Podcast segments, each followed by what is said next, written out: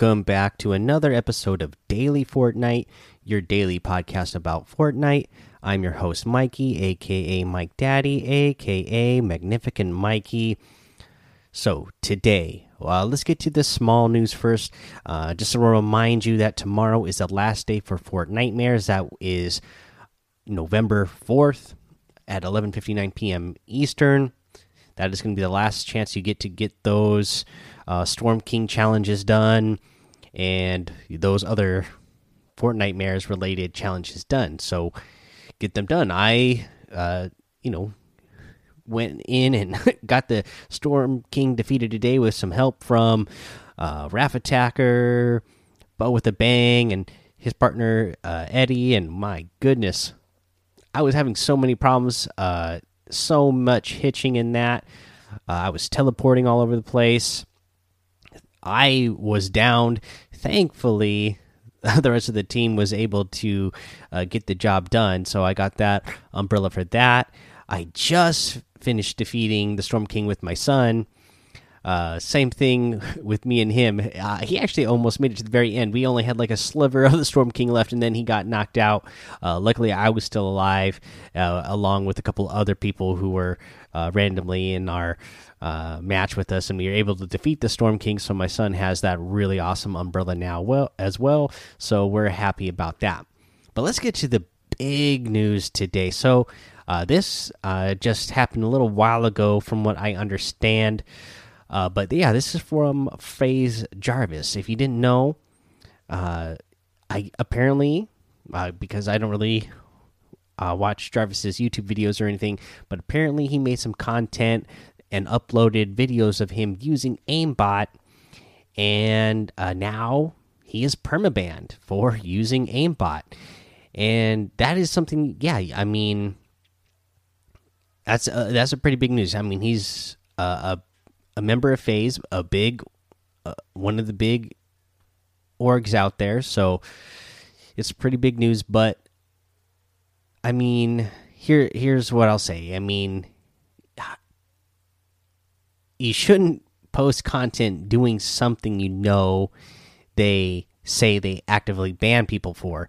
Uh, you know, and we know last year they talked about how they were hiring this other outside company for uh, you know, anti cheats, and you know if they, you know, they had already posted at some point, you know, they had however many thousands of people that they had banned uh, because they had uh, were using hacks.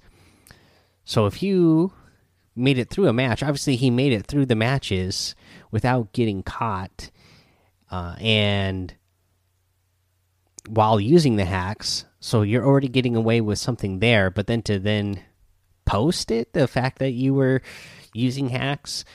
Uh you know i get how you could see that might be funny content but to a video game company who takes their their game development very seriously they don't want it promoted that their game can be hacked and you can cheat in the game you know by using code now, I know a lot of people are comparing this to the Ziff and Ronaldo situation where uh, they fed uh, uh, Ronaldo fed Ziff some kills so that he could get a couple more points to qualify for Fortnite World Cup, and people are talking about how that is worth you know that was a tournament that was worth money. And what jarvis did was just making content in creative and in solos. Uh, so it's not worth any money. And they're kind of comparing this two situations. And i can get I, I get where people are coming from with that as well because i get that you know it's higher it seems like higher stakes for what ziff and ronaldo did because they you know potentially you know had a chance to win money and could potentially keep somebody out of the tournament who you know had a chance to earn money. Now i still don't think the punishment was right at the time but they did punish them and they didn't let them qualify that week. And then they had to redo it and qualify in later weeks without cheating without being you know fed free kills and of course, you know they were, uh, you know, Epic and Fortnite made sure they reviewed all the games they played to make sure that they didn't do any cheating past that, uh, so that this time when they actually qualified, that it would be legit. So they did eventually make it in without cheating. They did cheat at one point, so I do feel like the their their ban should have been longer. I don't feel like it they should have been able to play in that tournament, but that was Epic's decision. Uh, and this one again, I think it's Epic's decision. Uh, and to them, I think it's a a bigger deal. Just again, as like I said, because they don't want people promoting hacking, cheating, messing with the the game itself. Um, again, you know, I've been, you know, around gaming for decades. Uh, you know, I myself as a teenager, so for multiple decades, because again, as as a teenager, I was, you know, following more uh, games as they got more competitive with uh, things like Halo and Counter Strike. Uh, you know, shooter games, you know, even other type of games like League of Legends and stuff, uh, Dota, that type of stuff. But you know, gaming companies, gaming developer companies always make it a big point that they don't want their games hacked. Uh, it's a very big deal to them. So I, I, can't believe that Jarvis is actually being permabanned. Uh, that's pretty insane to me. You would think that they would do, you know, maybe I would think a lengthy amount of time, but uh, permaban, yeah, that's pretty harsh. Especially, I saw the the kids' uh, apology for it, and you know, it makes you feel bad for them. But at the same time, uh, yeah, that's a pretty bad decision to cheat, record it, get away with it, and then also post it. Uh, that's just not good decision making. So that I let that be a warning to any of you out there. You know a big name guy on a big name organization, if they're going to ban him, you know, you're not going to get away with it either. Or, you know, if you get away with it, it won't be for very long. And uh, when you do get caught, you're going to be banned. That means you're going to lose out on all the money that you spent on on the account that you the that you spent money on for all the different items and things. So just uh, yeah, don't do that. Uh, just not a good thing. Let's go ahead and transition out of that now, though, uh, or try to, anyways, and let's talk about a weekly challenge tip. And uh, I said I would cover where the flaming rings are that you need to jump through with the motorboats, and let's go ahead and do that now. We mentioned where the one is down there in, I guess that's E8 E8, D8, right kind of there on the edge on the hill, uh, where you needed to do that other challenge where you needed to land at the boat launch there. But there's also rings at in the river at uh, let's see here, F4. We have one in the river at this is like F5 G5 again. That's kind of like right on the line there in the river. We have one in E5, one in F6. Uh, this is on the north side of the the big lake there, and then on the west side of that same lake, over in we'll call that D7.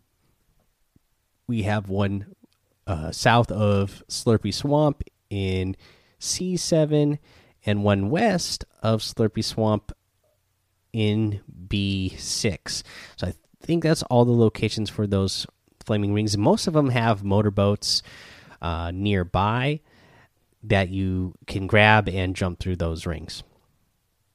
All right, so there's your challenge tip. Let's go ahead. We'll take our break. Now, when we come back, we will cover uh, what's in the item shop and uh, a little tip or trick of the day. All right, now let's look at this item shop today, and it's a good one. We got that Cryptic Curse bundle back in the item shop, which includes the Wrath outfit, the Timekeeper back bling, and the Cursed Claw harvesting tool. Remember, it does come with the challenges so that you can get the selectable styles. I don't know if they ever fixed the uh, times my the the timer on that. You know, the it was saying a timer for these challenges that you need to get them done by. Remember, you can ignore that. You can still get the challenges once you own this uh, pack can this i these items you can just get the challenges done whenever and you'll unlock those selectable styles now once again we have the grim fable outfit in the item shop again i still absolutely love this with that armor and that wolf um hoodie and that the the back bling as well that shield the pack leader back bling that is so cool uh, we have the big bad axe harvesting tool in the item shop as well, and I still love that one. You still get the hemlock outfit that comes with the bag of shadows back bling and that witchcraft emote, which is just really cool that you can you know switch styles in game. That is pretty cool. Uh, the witchy axe harvesting tool, the witchy wrap, the delirium outfit, and the spellbound staff. You have the big mouth outfit, which is one I absolutely love, the Dasher's harvesting tool, and the toothsome wrap. You have the spark plug outfit in the item shop today, which is one of my favorites. Uh, the slingshot outfit, the Billy Bounce emote, which is one of my favorites. The Storm King Fist harvesting tool. Oh my goodness, the Storm King. Uh, the Jumping Jacks emote, and the Work It emote as well. Don't forget to go to the store section, get the Final Reckoning pack and that other uh, starter pack, and you can get any of these items using that code Mike Daddy M M M I K E D A D D Y in the item shop, and it will help support the show. Uh, let's see here. Let's go ahead and get into our tip or trick of the day. This is more of a little trick rather than a real tip and this is the fact that they they changed the the fishing rod just a little bit. I don't know if you guys had heard about this yet, but with the fishing rod, you know, you could go fishing for items in the you know, in the rivers and the lakes and the ponds or whatever. Uh, you could also use the fishing rods to grab players, and they would uh, be pulled